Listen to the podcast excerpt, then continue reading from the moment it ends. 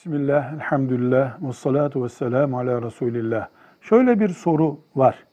Neden Ebu Bekir ve Ömer radıyallahu anhuma Peygamber sallallahu aleyhi ve sellem Efendimizin yanına defnedildiler?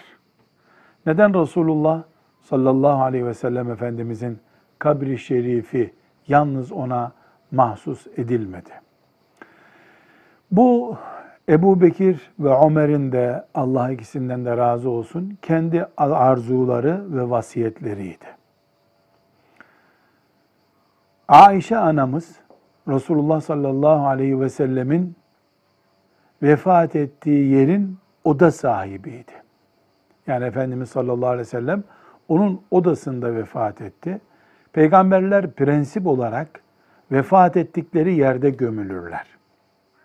Daha sonra Ebu Bekir radıyallahu anh kızının evi olduğu için Resulullah sallallahu aleyhi ve sellemle geçirdiği uzun yıllardan sonra ahirete kadar bekleyeceği kabir aleminin de onun yanı başında olmasını istedi.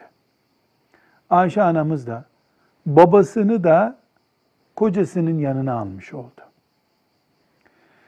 Ömer radıyallahu anh yaralanıp şehit düşeceğini anlayınca Ayşe anamızdan izin istedi. Ben de oraya gömüleyim dedi. Ayşe anamız ona da izin verdi.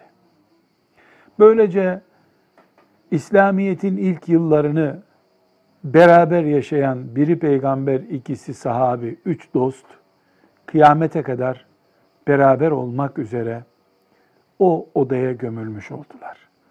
Ana sebep onların böyle arzu etmesiydi. Arzu etmelerinin sebebi de insanın kendisinden daha iyi birisinin yanı başında veya aynı mezarlıkta defnedilmeyi arzu etmesidir ki bu diğer Müslümanlar için de geçerlidir. Müslüman beni filanca salih kimselerinin mezarının yanına koyun diyebilir. Hatta demelidir. Mezarlık bile seçilmesi gereken bir dünyada yaşıyoruz. Velhamdülillahi Rabbil Alemin.